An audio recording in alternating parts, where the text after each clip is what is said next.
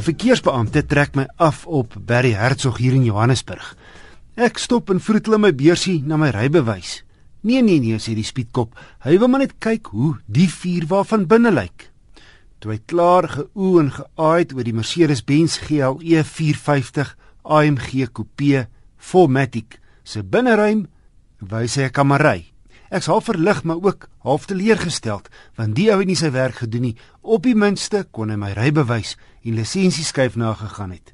Sou hy meer ywerig wees, het hy versoek dat ek die Benz se bagasiebak vir hom wys net om seker te maak ek smokkel nie met iets nie. In elk geval, dis die soort reaksie wat die spog wa van net oor die 1,2 miljoen rand konstant uitlok. Hy is gebaseer op die GLE, dis nou Mercedes se nuwe benaming vir die sportnuts wat voorheen die ML geheet het. Maar agterlangs Spiere Coupe, direkte kompetisie vir BMW se X6. Net om jou verder die mekaar te maak, Coupe dui nie meer suiwer op 'n 2-deur nie. Hierdie is een van Mercedes se 5-deur coupes. Die coupe gedeelte van die Mercedes is 'n dak wat hier so van die middel af met 'n helling afdraande loop na agter. En dit het tot 'n mate 'n impak op die spasie binnekant, hoewel vyf volwassenes in die breë waarin pas. Kielie die daklyn lang passasiers se hare in die agterste ry. En die pakplek, die vyfde deur maak met die druk van 'n knop van self oop. Die kattebak word ook deur hierdie skuins agterdeur beperk. Die onderste helfte redelik spasie, maar dan die boonste helfte net 'n gedeelte van wat 'n gewone sportnuts jou sou bied. En dan is die lip van die buffer hoog, seker 'n goeie 90 cm. So dit kan wel die inlaai van goed belemmer. Onder die bagasie bodem 'n dun spaarwiel. Dit dan waarvoor die GLE Coupe staan. Die AMG dui op 'n sportiewe baadjie. Massiewe wiele dra by tot hierdie GLE Coupe se aggressiewe voorkoms 21 duim wiele voorlangs 27545 agterlangs breër wiele 315 40s onder die 450 se engine kap skuil 'n 3 liter V6 petrol met twee turbo aanjaars 9 spoed outokastuur die 270 kW en 520 Nm wrinkrag na al vier wiele in die wa van byna 2 en 'n half ton draf 0 na 100 in 6 sekondes skaf.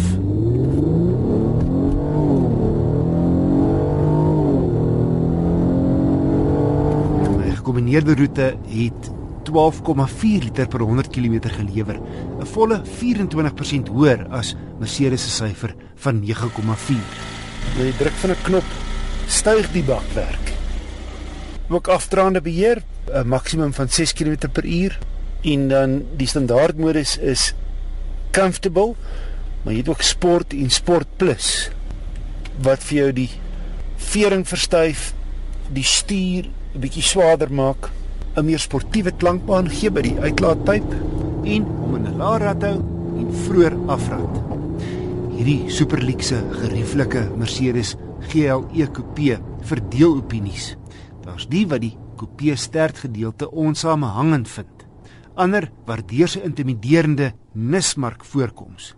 Maar nie prakties of rasioneel nie. Persoonlik sou die standaard GLE my aandag trek.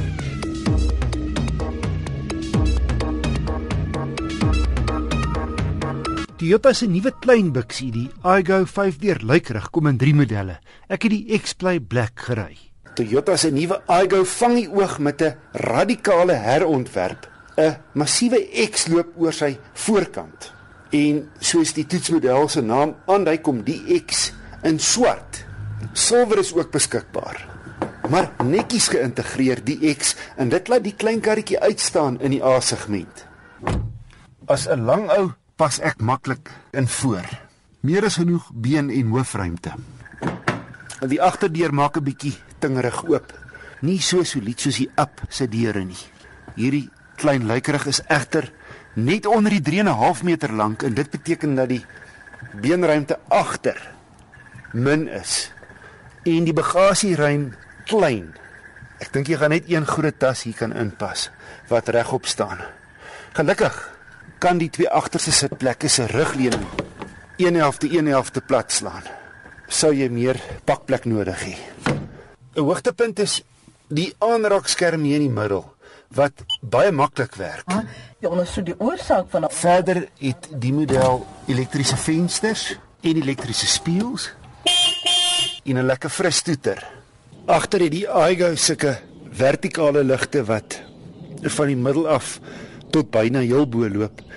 So 'n helder rooi kleur amper soos 'n klomp Turkish delight lekkers wat so in mekaar gepak is, maar heeltemal aantreklik. Wat hom ook karakter gee is die lekker brul van die 3-silinder. Die lewer 51 kW en 95 Nm by 'n hoë 4300 toere. Boonop lang bene, tweede rad vat jou byna tot 100, derde 140. Wat beteken jy moet die toere hoog hou om die beste uit die 1000 cc te kry. Maar die koppelaar is lig, die 5-spoed radkierie lekker sekuur en die oontjie gewillig.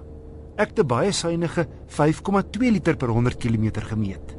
Gegee die iGo se nederige kraglewering as hy teen R144.100 relatief effe duurder as sekere ewe knie wat met meer krag spog. Maar vir heelwat kopers sal die gemoedsrus van die Toyota handelsmerk, sy moderne voorkoms en die lae brandstofverbruik genoeg rede wees om die biksie aan te skaf.